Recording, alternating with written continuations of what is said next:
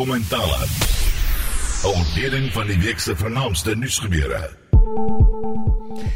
Nou die jaar is amper op sy kop en dit is daardie tyd van die jaar om 'n terugblik te hê op die nuus hoogtepunte. My gaste is professor Dirk Coetzee, politieke ontleder van Unisa. Goeienaand Dirk. Goeienaand Susan. Dr Oscar van Heerden, politieke ontleder. Goeienaand Oscar. Goeienaand Susan en goeienaand aan die luisteraars. En historikus Dr Lindie Koorts van Universiteit van die Vrystaat. Goeienaand Lindie. Goeienaand Susan. My klankregisseur is Daitrin Godfrey en ek is Susan Paxton.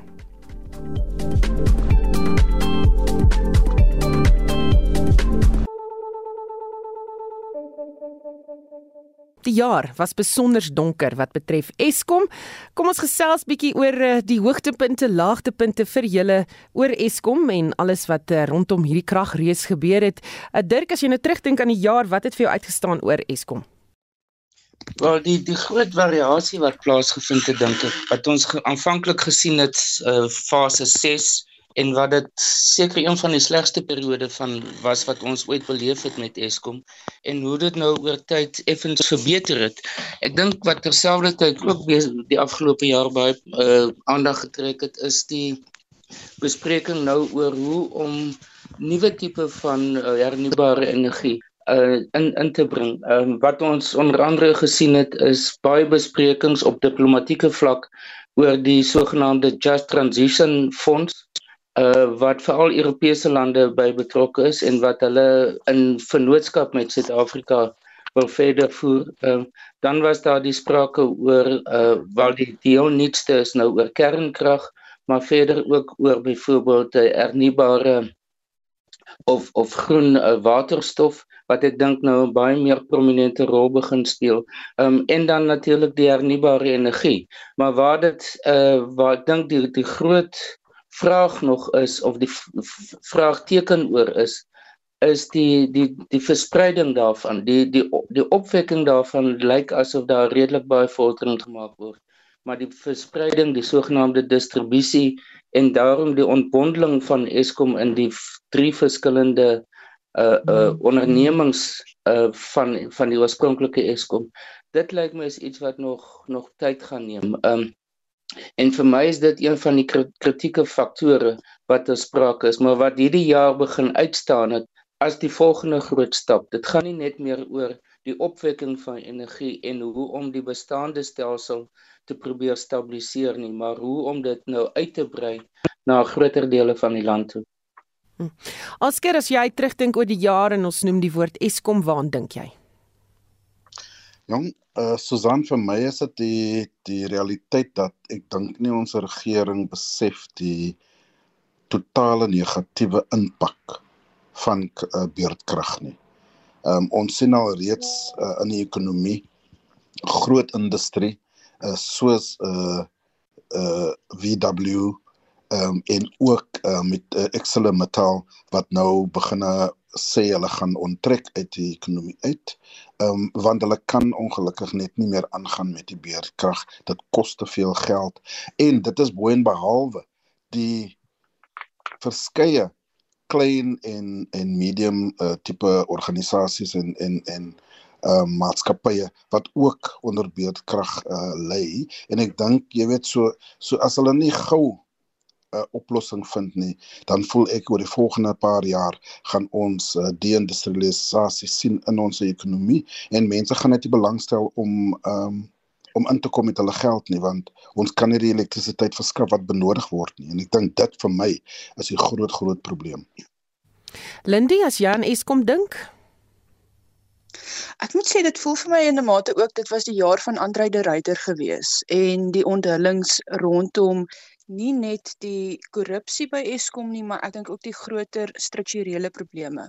Daar was natuurlik die groot ophef in einde Februarie toe hy sy onderhoud gegee het, uh kort voordat en toe sy uh, uittrede sommer vervroeg en daarna die boek wat toe nou nog uh nog meer aan die lig gebring het. En wat vir my daarin uitgestaan het was, jy weet, daar's soveel fokus op die rol van korrupsie en dit is 'n enorme komponent. Maar dit was vir my duidelik hoe hy in die boek ook genoem het dat korrupsie sorg vir twee fases van beerdkrag. So as ons op fase 6 is byvoorbeeld, twee van daai fases is dalk as gevolg van wanpraktyke.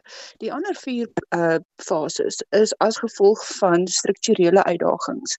En selfs as ons praat oor hoe om nog uh energie by te kry, is ek bekommerd dat die beleidsraamwerk en die strukturele landskap 'n enorme uh struikelblok is. Dit het vir my uitgestaan hoe hy ehm um, gedemonstreer het dat hy op enige gegeewe oomblik aan ses verskillende uh regeringsdepartemente moes verantwoording doen en dat die verskillende departemente se beleid mekaar dan weerspreek. So hy sit in 'n absolute bureaukratiese nagmerrie Mary. Sedertdien het ons nou nog 'n minister van uh, elektrisiteit bygekry om dit nie nog verder te kom kompliseer. En dan sien jy dan raak dit nou 'n tipe van 'n stryd oor uh, beheer oor die verskillende komponente. Jy weet dit raak 'n uh, dit byna 'n stryd oor grondgebied. Ehm um, en dan sien jy hier is hier is 'n magstryd agter die skerms en wie se soort energie wen?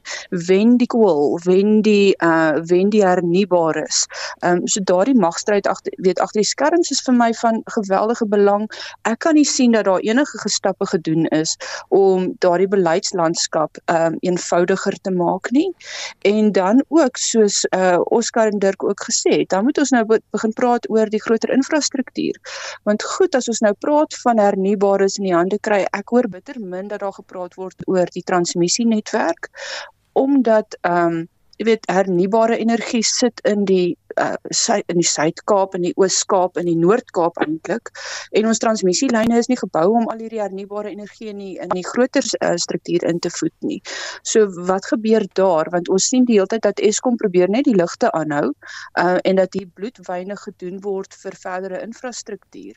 En wanneer daar dan gepraat word oor infrastruktuur, dan praat hulle ewe skielik van kernkrag en hulle praat van gasskepe, um wat ander vorms van beleggings noodsaak en dan is my vraag onmiddellik nou wie is ons bondgenote saam met wie klim ons nou in die finansiële bed wat dit betref uh, en daai maak ook vir my 'n wêreld van uh, probleme oop. Hmm.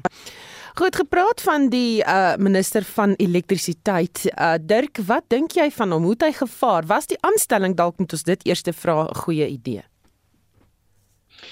Ek dink die die aanstelling was 'n goeie idee omdat dit uh, as 'n mens gekyk het na byvoorbeeld wat was die op daardie stadium die ministeries wat te sprake was openbare ondernemings van Pravin Gordhan en dan aan die ander kant minerale en energie sake. Nou die twee van Gwede Montashe van minerale sake aan die een kant en energie is eintlik in kompetisie met mekaar in sommige situasies. Ehm um, en of daar is ten minste 'n konflik van belange in sommige gevalle. En ek dink dit het dit vir hom persoonlik ongeag sy ideologiese posisies wat hy het, ehm um, het dit vir hom feitelik onmoontlik gemaak om twee so uiteenlopende maar ongelooflik groot portefeuilles gesamentlik te hanteer. Minerale sake op sy eie is ook goed genoeg vir een uh, minister om te moet hanteer. So ek dink die die feit dat elektrisiteit nou 'n fokuspunt geword het spesifiek vir 'n minister was 'n goeie stap. Die probleem daarmee is is dat hy nie 'n departement van sy eie het nie. Ehm um, en dat hy ook nie in terme van wetgewing enige status of magte het nie. So dit dit is 'n 'n totale herstrukturering wat in die regeringsstruktuur moet plaasvind om voorsiening te maak daarvoor en dit het tot 'n groot mate nog nie werklik plaasgevind nie. Ek dink wat wat uh, minister Tramagopa begin doen het is en hy hy het 'n groot mate die funksie van Andre de Ruyter oorgeneem as dit kom by die skakeling met die media en met die publiek in die algemeen. Ehm um, dit is die die hoofuitvoerende beampte van Eskom het het heeltemal op die agtergrond geskuif en ek dink dit gaan moet die, die nuwe aanstelling steeds die geval wees. Ehm um, so die die minister speel 'n meer prominente rol. Ek dink hy kry meer reg as wat wat van tevore plaasgevind het, maar binne 'n beperkte magsbasis wat hy het. Um en ek dink wat wat ook uh, in sy gun stel is is dat baie mense verwys na hom as as 'n opgeleide ingenieur sodat die die tegniese ingenieurs aspekte daarvan is is baie binne sy denkraamwerk um en hy kan baie goed daarbey aanpas. So ek, ek dink in die algemeen is hy na my mening 'n suksesvolle minister, maar binne al hierdie beperkings wat ek nou genoem het. Hmm. Oscar, um, wat dink jy van die aanstelling van hierdie minister en wat verwag jy van hom in die komende jaar?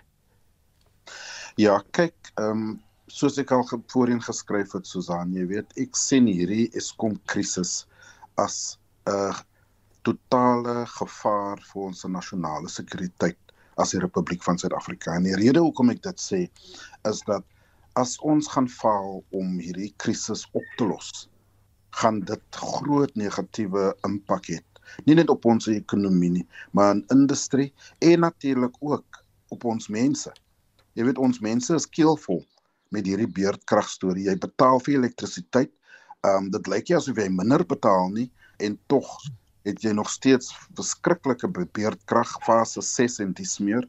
En ek dink tog dat as hulle nie vir ons gaan wys in die volgende jaar of so dat hulle hierdie ding onder onder beheer kan kry nie, dan gaan dit definitief 'n groot probleem wees vir ons ekonomie en vir die land. En ek dink dis die rede hoekom die president besluit het om spesifiek 'n minister aan te stel. Ek ek stem saam met Dirk Ramaphosa as 'n goeie 'n uh, politikus. Hy weet wat hy doen en hy wil graag wys dat hy kan die werk doen. Ehm um, hy het natuurlik sy analise gedoen in terme van om spesifiek na 'n uh, krag ehm um, staats kragstasie toe te gaan om te sê wat presies is die probleem want dit blyk vir hom en hy sê vir ons dit blyk vir hom asof hulle kry verskillende boodskappe van verskillende mense in terme van waar die probleem lê. Ehm um, en ek dink so daai sistematiese stelsel wat hy wat hy probeer, dis stadig, ja, maar ek dink dis dis dis natuurlik die regte ding om te doen. En dan natuurlik het hy gesê kyk as ons kyk medium tot langtermyn, dan moet ons ook nou groot dink in terme van kernkrag uh, en so aan, um, want ons kan nie net onmiddellik die korttermyn uh beskou nie want as ons nou die probleem wil oplos vir 10, 15 jaar van nou af uh en nie weer eens onsself in beerdkrag kry nie dan moet ons daai groot projekte aan aanstaar. En ek dink dis wat ek verwag van hom. Hy gaan meer en meer druk plaas op die president en op die kabinet om te sê as hulle wil hê ek moet suksesvol wees en ek moet 'n groot oplossings vind vir hierdie beurtkragprobleem vir die elektriese probleem dan moet julle die nodige uh, fondse beskikbaar maak en vir my die nodige mag gee om my werk te kan doen. So ek dink daar gaan veranderinge kom met die aanstelling van die nuwe kabinet na die verkiesing. Ehm um, en moontlik gaan die president meer mag aan die minister van elektrisiteit gee. Hmm. Lindy, gaan Eskom minister Pravin Gordhan se loopbaan sink of laat floreer as jy nou kyk na wat alles gebeur het die afgelope jaar? Wel kom ek sê vir jou so, ek dink nie dit doen hom enigstens gunste nie. Ek dink nie hy kom baie goed hier uit nie. Ek dink nie Gwede Mantashe kom baie goed hier uit nie. Maar as Eskom vir jou een ding wys is dit dit skei die koring van die kaf in terme van politieke oorlewing. En goeie genade, daardie twee is uitstekende oorleef. Hulle is baie goed daarmee om te oorleef. So ons het net byvoorbeeld nou hierdie jong energieke uh ambisieuse, dinamiese nuwe minister. Uh maar ek wil sien hoe vaar hy teen hierdie ou buffels uh, dis nie hulle eerste stryd nie. Um, en hulle kry dit nog reg om vas te klou aan waar hulle magsbasis is.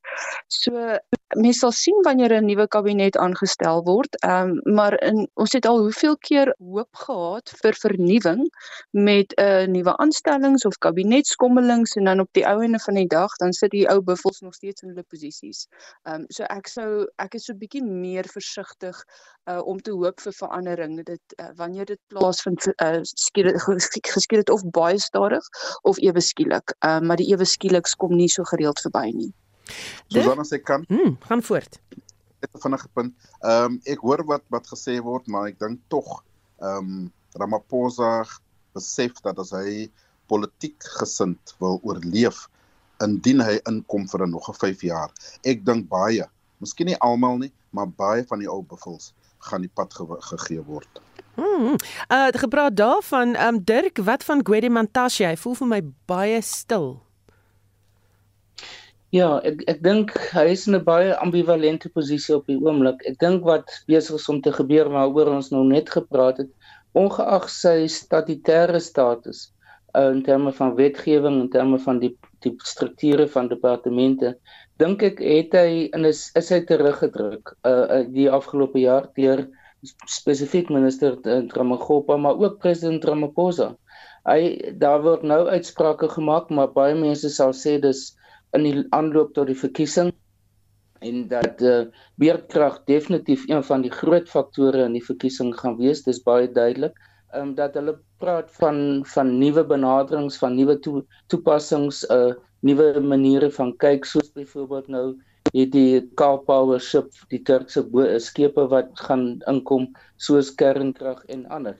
Maar ek dink wat Gwede Montashe op die oomblik waar hy 'n basis het, is die feit dat hy 'n baie sterk posisie binne die ANC het, dat hy een van die top 7 is. Um en dat hy uh tot baie onlangs nog die nasionale voorsitter van van die Suid-Afrikaanse Kommunistiese Party was. So sy magsbasis is is tweeledig eintlik sal ek sê. Die een is die feit dat hy in hierdie posisies is en dan maak hy ook daarop aanspraak dat hy in terme van provinsialisme as ek dit so kan noem dat hy 'n sterk basis het in die Oos-Kaap. Nou Oscar sal beter weet as ek of dit op die grond werklik die geval is, maar dis dis een van die aansprake wat hy maak en as 'n mens mooi kyk na die nasionale leierskap van die ANC, is die Oos-Kaap op die oomblik nie baie sterk verteenwoordig op senior vlak in die kabinet nie. So ek dink dis aspekte wat ter sprake is. Um dan natuurlik kom die die kwessie van die vakbonde weer eens ter sprake. Um en dan spesifiek die vakbonde in die in die in die mynbedryf um waar hy 'n steeds 'n baie sterk basis het. Maar ek dink dis nie onmoontlik dat eerstens Pravin Gordhan sal aftree nie. Hy wou al reeds by die vorige verkiesing wou, wou hy of sou hy eintlik afgetree het. Um en dat Gwede Mantashe miskien geskuif kan word na 'n ander prominente ministerie in weg van minerale sake. Hmm. Dan Oscar laaste vraag hier oor ehm um, hoe groot 'n pion gaan Eskom wees tydens die verkiesing of watse groot faktor gaan Eskom wees in mense se keuses uh, as hulle gaan stem? O, groot faktor. Nee nee nee, groot faktor. Kyk, mense is skeelvol. Ehm um, jy weet dis nou al 15 jaar sedertdien ons hierdie probleem geïdentifiseer het. Thabo Mbeki, die oud president, het saam met ons gepraat as as die as die volk en gesê keuses was gemaak in die in die 90s, ehm um, of dit nou reg of verkeerd was of daar geld of nie was nie, maar die feit van die saak is dis hoekom ons nou in hierdie situasie is van beerdkrag. Daar is nou 'n pot geld en ons kan nou lenings maak ehm um, in op, op ons terme en dit was was gedoen was in terme van Mandupi en Kusile uh, net om uit te vind dat hulle dit totaal en geheel en al opgemors. Ehm um, en so hierdie probleem is by hierdie deur van die ANC regering. Dis 15 jaar later, mense is keelvol, dit gaan definitief 'n groot groot aspek wees van hierdie verkiesing. My gaste vanaand professor Dirk Coetzee, Dr Oscar van Heerden en Dr Lindie Koorts. Kom ons praat oor die Johannesburg Metro en uh, sy verval, koalisiepolitiek. Hierdie metro was pal in die nuus. Dirk, as jy nou terugdink, wat onthou jy? Wel, ek dink om eerstens is Johannesburg waarskynlik die voorbeeld van nou meer die mees onstabiele metro koalisie in in die land. Uh die ander koalisies wat in die verlede 'n probleem was, Nelson Mandela Bay is nog steeds gebalanseer op 'n mespunt, maar daar's minder krisisse as wat daar in Johannesburg is en Tshwane tot 'n groot mate gestabiliseer steeds met 'n klein minderheid uh, vir die DA gedrewe groepering maar daar is nie meer hierdie verskillende emosies van wantroue um, en bedankings en verskuiwings wat plaasvind nie. In die geval van Johannesburg wat uitstaan is gaan oor die verhouding tussen die ANC en die EFF dit is die absolute dominerende faktor wat ter sprake is En omdat die twee uh nie werklik oog tot oog sien nie, um en dat veral dat die EFF nie bereid is dat die ANC wat 2 3 keer groter as die EFF in Johannesburg is, uh die die senior posisies van uh, speaker sowel as die uitvoerende burgemeester kan inneem nie. En dat hy eintlik 'n veto reg uitoefen in sy verhouding met die uh, ANC dat dit lei tot die uh, burgemeesters wat ons nou het van Aljamal. Wat beteken dat daar eintlik 'n 'n derde figuur is wat mees in 'n groot mate na my mening 'n simboliese burgemeester is met omtrent geen magte nie. Um en dat die burgemeesterskomitee wat dan hoofsaaklik bestaan uit die ANC en die EFF dat hulle die kitaar slaan. Ehm um, en dis 'n onhoudbare situasie. Ehm um, saam daarmee het nou gekom Cope ehm um, en Colleen Macubella wat 'n 'n derde uh, klein party of 'n tweede klein partytjie is maar wat 'n soort van 'n vierde komponent ingebring het want die die speaker op plaaslike vlak in metro en plaaslike rade is baie invloedryk en het baie magte as dit kom by die sittings van van daardie rade. Um en sy het die die situasie gemanipuleer um om uh, te probeer self in 'n posisie te bly in namens Cope um en terselfdertyd um dit rol van die belangrike rol van speaker te speel. In geen een van die ander metros is dit werklik die geval nie. So Johannesburg as gevolg van hierdie punte wat ek nou noem, staan in 'n groot mate uit. Nou wat ons nou gesien het is onder andere die ontploffing in in die middestad van Johannesburg wat aan 'n sekere sin miskien nie direk gelyk kan word, teruggelyk kan word na die koalisie nie, maar dit word amper 'n simbool van die probleme wat in die uh in die dienslewering en die infrastruktuur van Johannesburg bestaan. Byvoorbeeld watervoorsiening.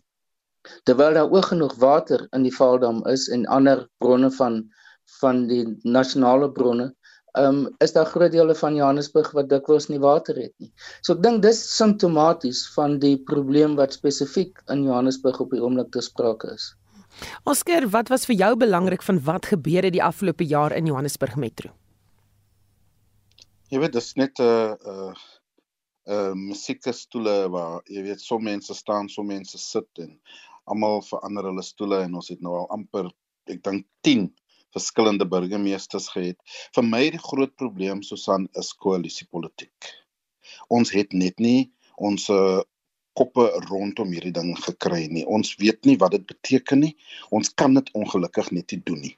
Uh, dit is nou al 'n hele paar jaar al. Jy sal weet na die plaaslike die plaaslike verkiesing van 2016 al. Ehm um, het verskillende metros uh, onder die beheer gekom van koalisies, nie die ANC nie. Ehm um, en dit was dit het geval. Dit was 'n dit was net 'n hele gemors. So ek dink dis die groot probleem. Ons het nie ons weet nie hoe om koalisiepolitiek te speel nie. Ehm um, en die rede is daar's daar's talle redes. Uh, jy weet een van hulle is en ek dink dis dis belangrik om te noem. Die feit dat oppositiepartye letterlik die ANC haat. Jy weet hulle raak kwaad. Uh, hulle is briesend. Die ANC moet verwyder word. Nou ek het nie 'n probleem met oppositiepolitiek nie. Maar die die die die vlak van haat uh, ons is alles maar die ANC. Ons is gekant teen die ANC en ek dink een van die elemente hoekom koalisiepolitiek nie werk nie, is omdat daar's daai houding. As ons kyk na ander lande toe, uh, in in in Engeland vir, vir byvoorbeeld, jy weet, daar sien die tipe haat tussen die Labour Party en die konservatiewe party nie. Hulle verskil grootliks in terme van beleid, in terme van hoe hulle dinge benader en so aan, maar daar's nie haat nie. Daar is nog steeds sekere aspekte waar hulle saam kan werk. En dieselfde kan gesê word deur die Demokratiese Party en die Republikeine in die FSA. Jy weet hulle hulle hulle hulle het groot verskillende standpunte en beleid oor verskillende punte, maar hulle haat nie mekaar nie. En ek dink dis nommer 1. Dis 'n groot groot probleem waar die DA, die EFF en ander partye net nie voel hulle kan saam met die ANC werk nie. En ek dink dis nommer 1. Nommer 2 is die feit dat ons nie sekere reëls het nie. Jy weet, uh, soos Dirk nou gepraat het van Aljama, 'n klein party, die koningmaking, soms is die EFF in daai posisie.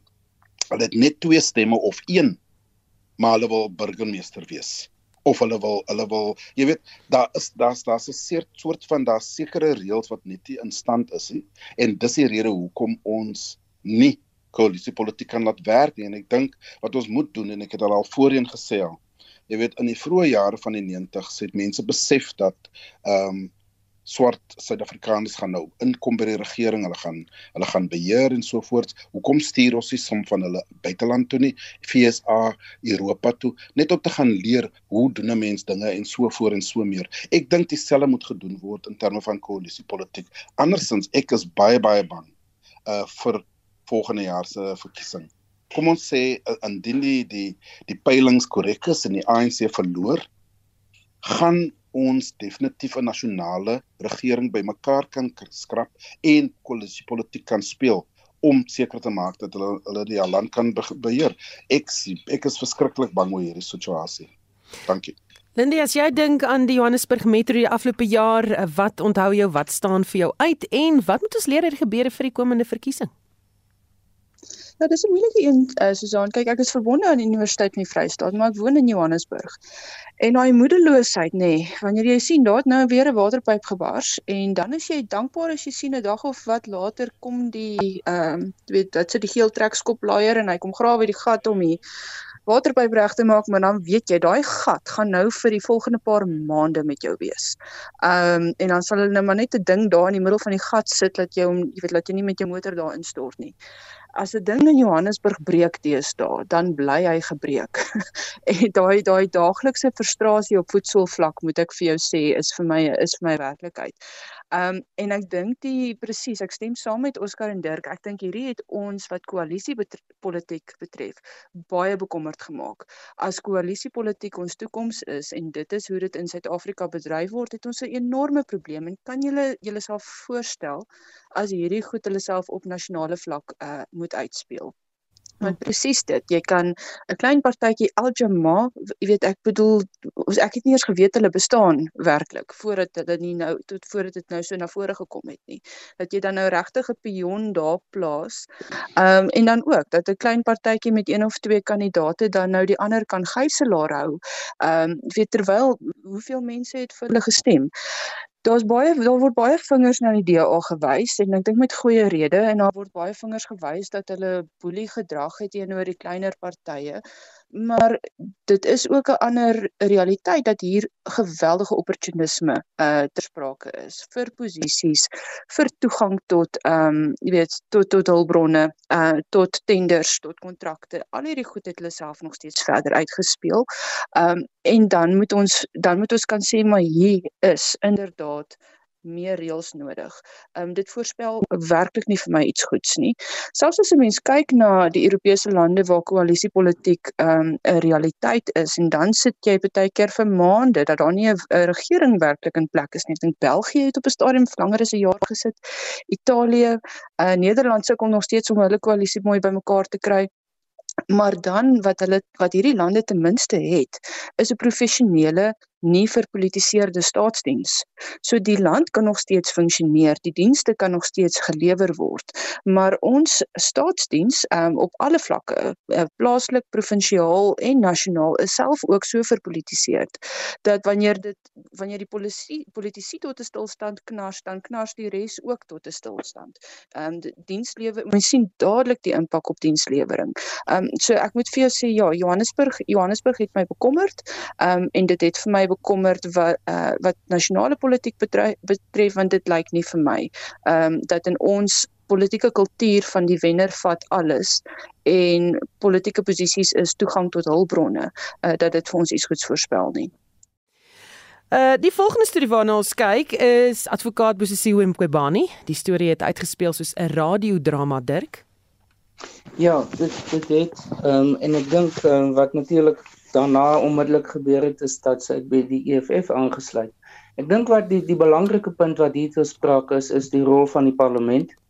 Ehm um, die die feit dat ten spyte daarvan dat dit baie ver verby hulle tydstafel gegaan het of beplanning gegaan het van hoe lank so 'n proses moet plaasvind, um, was dit die eerste. Dit was die eerste werklike wat mense in Engels noem impeachment proses deur die parlement. Ehm um, Voorheen was dit met president Zuma en president Ramaphosa was dit tot op 'n punt gevorder. Ehm um, dit lyk my asof dit nou met twee ehm uh, regters ook die geval gaan wees. Maar dit dit lê dit het 'n basis gelê, dit het 'n ervaring gegee vir die parlement hoe om met baie netelige prosesse soos hierdie hoe om dit te hanteer. Ehm um, ek dink in die geval van die openbare beskermer is dit die pos is ongelukkig nou so gepolitiseer dat die die aanstelling van haar opvolger het binne daardie konteks plaasgevind. Ehm um, dit is weer eens binne die verskillende politieke partye het as, as politieke blokke daarvoor gestem vir wie uh, uh, advokaat Kaleka uh as as die opvolger en die groot oppositiepartye was almal daarteen gekant net die ANC en die EFF het vir haar gestem. So ek dink dit dit skep 'n ongelooflike uitdaging vir die openbare beskermer wat een van ons belangrikste instellings is om teen korrupsie te veg. Ehm um, die advokaat Mkabela ehm um, ehm um, Mkobani ehm um, sy ek weet nie wat daar toekoms gaan wees nie of sy werklik uiteindelik 'n groot rol gaan speel binne die EFF um, is ek dink dis onwaarskynlik daar's nie genoeg ruimte vir haar binne die party nie. Um en sy het ongelukkig dink ek nou die beeld geskep dat sy eintlik die hele tyd 'n politieke figuur daar was wat hoogs waarskynlik die waarheid is. Um en dat dit die die rol van iets soos die openbare beskermer soos ek gesê het gepolitiseer het. Um en dit gaan baie ver om terug te gaan na 'n posisie van die vorige openbare beskermer Thuli Madonsela um om weer geloofwaardigheid en uh, kredietwaardigheid en integriteit vir die openbare beskermer te gee. Die die die kantoor van die openbare beskermer doen ongelooflik goeie werk. Maar die 2/3 80% daarvan kom nooit in die media nie. Dit is hulle werk veral op plaaslike owerheidsvlak en hulle help baie keer om groot probleme of dispute te kan uitsorteer of om sake wat na hulle toe verwys word te kan uh, be besleg. Uh, dis die groot politieke issues wat ons mee wat ons assosieer met openbare beskerming. Wat dit in die tot nou toe uh, kwesbaar en en kontroversieel gemaak het. So ek ek hoop in 'n groot dat dit vorentoe gaan verander. Goed Oscar, ehm um, wat van die storie is vir jou belangrik en het die publiek nog vertroue in die instelling na dese? Jy weet, uh, ek wil saam met Dirk stem, né? Ehm um, die die feit van die saak is jy het 'n spioen ehm um, wat openbare beskermer word. Ek dink Zuma was baie spesifiek ehm um, in terme van wie hy wou aanstel en sy het definitief 'n politieke agenda gehad as openbare beskermer. Ons weet dit nou al almal die tipe van sake wat sy aangevat het, die die die aantal sake wat sy verloor het. Ehm um, ons howe was keelvol van haar. Ehm um, en dan word sy nou 'n parlementariër vir die EFF. So dit sê vir my, dit praat volume, dit sê vir my sy het maar altyd 'n politieke agenda gehad. Ehm um, sy was maar stooge van Zuma. Ehm um, en sy het definitief die openbare beskermer se kantoor in gedwang gebring hierdie paar jaar. Ehm um, en ek dink tog ons moet seker maak in die in die toekoms dat ons kyk met hoe word die openbare beskermer aangestel? Wat is die kriteria en wat presies is die werk wat die in die mandaat van die openbare beskermer want uh, sy het definitief Mokabane het definitief 'n mokkery gemaak van die openbare beskermer se kantoor. Lindy, jou indrukke van hierdie storie en hoe moeilik gaan haar opvolger se werk nou wees? Ja, ek stem met Oscar en Dirk saam. Ek bedoel om van die hoogtes van Tuli Madonsela te moes gaan na hierdie laagtepunte wat ons in die afgelope jare gesien het. Daar was tye wat mens dit mens net verbuisterd gestaan het. Uh dikwels omdat die onbevoegdheid jammer vir my so duidelik was. Ander kere was dit asof sy weet samesweringsteorieë uit die lug uitblik en dan nou baie beslis 'n uh, politieke agenda het. Maar ek onthou so duidelik destyds ehm um, weet almal was baie ongelukkig toe Tuli se ehm um, Marunzela se termyn tot het einde gekom het en ek onthou die ehm um, jy weet die die parlementêre proses om haar aan te stel. En ironies genoeg was die enigste party wat toe krities teenoor haar was was die EFF. Hulle was die mense wat nie so lekker was nie en wat moeilike vrae oor haar gestel het en sy is toe nogtans aangestel en kyk nou waar het dit geëindig. Ehm um, ek dink dis Max de Pre wat geskryf het dat basies al hierdie weet weggooi vreemde karakters ehm um, wat hulle self rondom Zuma vergader gaan parkeer hulle self uiteindelik in die EFF. En lyk like my dit is nou waar hy ook gegaan het. Maar dan as 'n mens sê dat jy kan gaan van 'n Tuli Madonsela na ehm um, Kobane toe, dan sê dit vir my die probleem is nie noodwendig die struktuur nie, dit gaan oor die individu wat jy in daardie pos aanstel. Hoe kry ons dit reg? Um om 'n goeie individu aan te stel sonder dat dit deur politieke blokke gestoomroller word en dis ongelukkig wat nou hier gebeur. Ek stem ook saam, daar's baie goeie mense in die openbare beskermer se kantoor. Ek stem saam hulle doen goeie werk. Uh, maar ek dink daai kantoor se geloofwaardigheid is baie erg weggekalwe. Daar's baie skade aangerig en nou gaan haar opvolger um dit ook moet herstel en dit laat my maar dink aan die nasionale vervolgingsgesag ook. Dieselfde probleem wat gebeur wanneer 'n uh, instansie so weggekalwe is. Helfte van jou energie gaan net daarin om jou instansie weer op die been te bring en die ander helfte is dan nou nog om die werk uh, uh te probeer doen. My gaste Dr Oscar van Heerden, Dr Lindie Koorts en professor Dirk Kotse. Nog 'n groot storie die afgelope jaar was die Lady R en Oscar, jou indrukke van hierdie skip wat behoorlik golwe gemaak het in die politieke see. Ja, nee, definitief golwe. Ehm um, kyk, ek dink eh, die ambassadeur die ambassadeur, die Amerikaanse ambassadeur Brigitte was 'n bietjie uit 'n bietjie voor voor op die wa gewees, um om sekere aantuigings te maak teen die Suid-Afrikaanse regering. Um hy het gesê hy sit sy lewe op die lyn vir dit. Um en hy het natuurlik die nodige bewyse.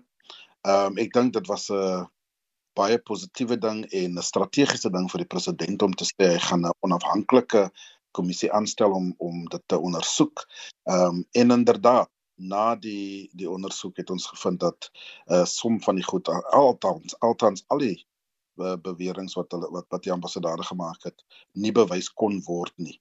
Ehm um, natuurlik sê dit nou nie in terme van wat die FSA se houding is teenoor Suid-Afrika rondom ons verhouding met Rusland nie. Ehm um, dis 'n ander kwessie wat ons kan bespreek, maar rondom die Lady R storie. Ehm um, jy weet ons uh, ons weermag, die minister ehm um, en die onafhanklike uh, uh, ondersoek het het almal gesê ons het nie wapens aan Rusland verkoop nie en daar's geen sins wat dit uh, op die skip Lady R gevind is was nie. So ek dink dit was dis 'n groot dis 'n groot storie en en natuurlik nou ehm um, is bes, is ambassadeur Brigitte hy was nie gevra om om om my land te verlaat nie. Hy's nog steeds hier en ek dink hy's nou hy's besig met uh, eet nou humble pie. Hmm. Dirk, waar staan ons met hierdie storie en wat dink jy van al hierdie gebeure? Ja, ek dink dit het 'n soort van 'n gevalle studie geword waar verskillende aspekte van Suid-Afrika se buitelandse beleid in groot mate raak.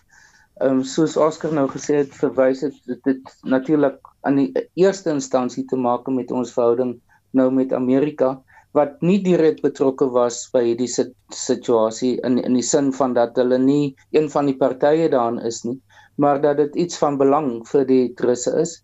Dit verwys natuurlik onmiddellik terug na die na die oorlog in die Oekraïne, sowel as na die historiese verhouding tussen Suid-Afrika en Rusland. Saam daarmee het dit te maak met ons wapenindustrie, ehm um, en die wapenhandel wat plaasvind in in die algemeen. Ehm um, en dan dink ek het dit ook te maak met uh, die die feit dat die Suid ook die Suid-Afrikaanse weermag en en waar dit op die oomblik staan. So daar't verskillende aspekte. Ek dink die die Lady R het, het gedien uiteindelik as 'n katalisator vir al klink dit heeltemal teenstrydig vir 'n nader beweeg tussen die FSA en Suid-Afrika. Ehm um, in die eerste instansie het uh, president Ramaphosa vir Sydney Mufamadi sy nasionale ehm um, uh, adviseur, 'n uh, sekuriteits veiligheidsadviseur in um, Amerika toe gestuur om te begin praat en met 'n onderhandelingsproses om die verhoudinge tussen Suid-Afrika en die FSA te probeer verbeter. Uh, dit was nog nooit regtig besonder warm of eng of goed gewees nie, maar daar was 'n werksverhouding nog altyd tussen Suid-Afrika en Amerika gewees. En wat mense nou later in die jaar gesien het is dat dit is opgevolg met die proses rondom AGOA en die onderhandelinge wat daar plaasgevind het en uiteindelik die beraad hier in Suid-Afrika. En weer eens dit dit mag miskien lyk na 'n teenstrydigheid wat ek gaan sê, maar dit lyk asof die verhouding tussen Suid-Afrika en die FSA eintlik verbeter het as gevolg van hierdie probleme. Daar het meer dialoog ontwikkel tussen die twee. Um en op die oomblik ten spyte van weer eens die openbare beeld, dink ek is daar 'n beter verhouding wat daar bestaan um, in die geval van die die militêre situasie en verhouding met met Rusland dink ek wat wat ons begin sien het is is dat die uh, die Oekraïne situasie spesifiek en hoe dit nou die die Rusland se se verhouding met Suid-Afrika draak dat president Ramaphosa se inisiatief die dialoog inisiatief begin het om meer en meer ehm um, ondersteuning internasionaal te kry. Ehm um, ek dink die hoogtepunt daarvan was by die G20 beraad um, in in Indië waar Suid-Afrika, Indonesië um, en Indië baie instrumenteel was in die formulering van wat die G20 se posisie oor die die die verhouding of die oorlog in die Oekraïne is en wat relatief naby aan die Suid-Afrikaanse posisie gekom het. So dit alles dink ek was dis hoekom ek dit noem 'n katalisator vir verwikkelinge wat begin plaasvind het. Uit 'n wil sê amper 'n krisis wat daar was rondom Lady R het dit die die, die katalisator gewees vir hierdie verskillende inisiatiewe wat begin ontwikkel het. Lindy die Lady R het die fokus op die weermag geplaas soos Dirk genoem het. Jou onthou van hierdie storie en watse rimpels dink jy gaan die gebeure nog uitstuur in die toekoms? Ja, dis interessant. Ek dink uh Dirk is reg, dit was soos 'n kat wat in die duiwelhok ingegooi is en dit het Suid-Afrika behoorlik laat rondspring. Um jy weet en dit dit ook maar eintlik die teenstrydighede in ons posisie uitgewys hoe ons dit moet hanteer. Ek moet sê wat die weermag betref, dit het my werklik bekommer dat daar 'n kommissie van ondersoek ingestel moes word op 'n jy weet ek bedoel dis nou dis nou standaard Suid-Afrikaanse praktyk vir alles word 'n kommissie van ondersoek ingestel.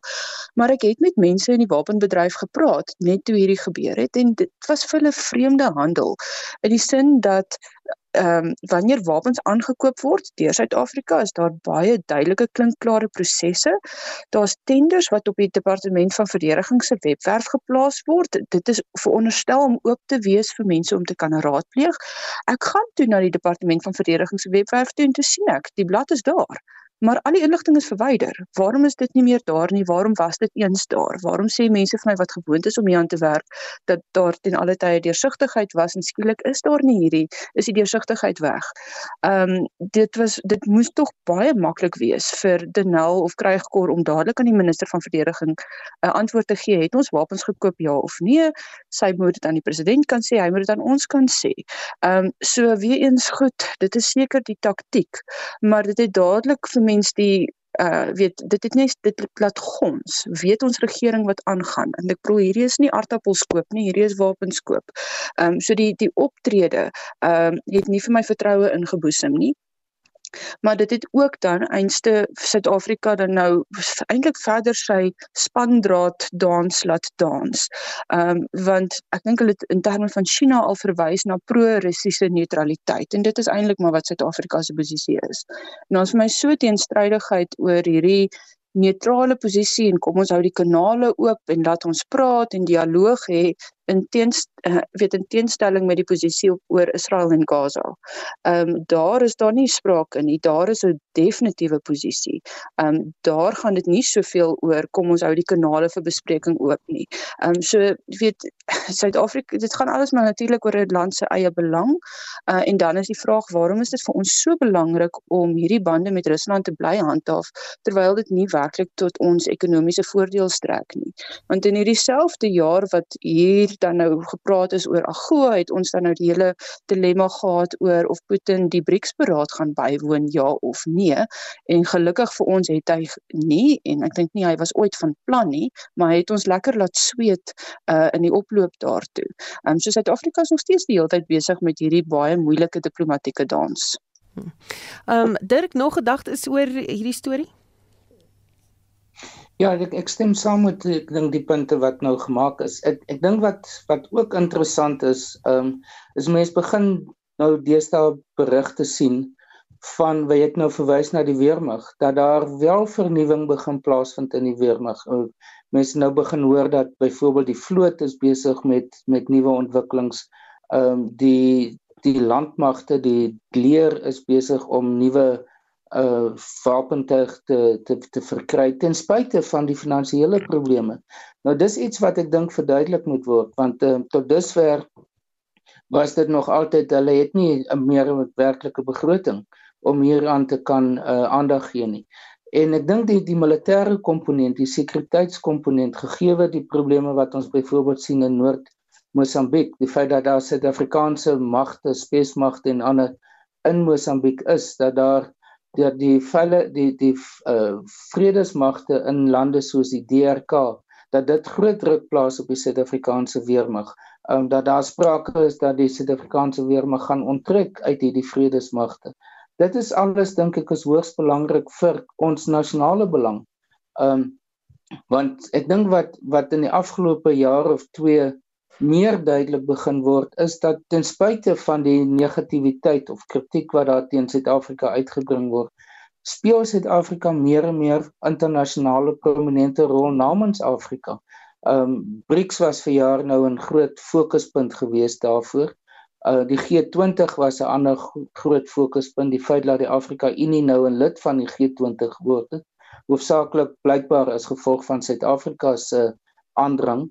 Um wys daarop dat daar uh dat Suid-Afrika na gekyk word as 'n land wat deur die internasionale gemeenskap gesien word as baie verteenwoordigend van van Afrika. En ek dink een punt wat 'n mens ook op die tafel moet sit is is dat Afrika as 'n kontinent is besig om ekonomies te ontwikkel.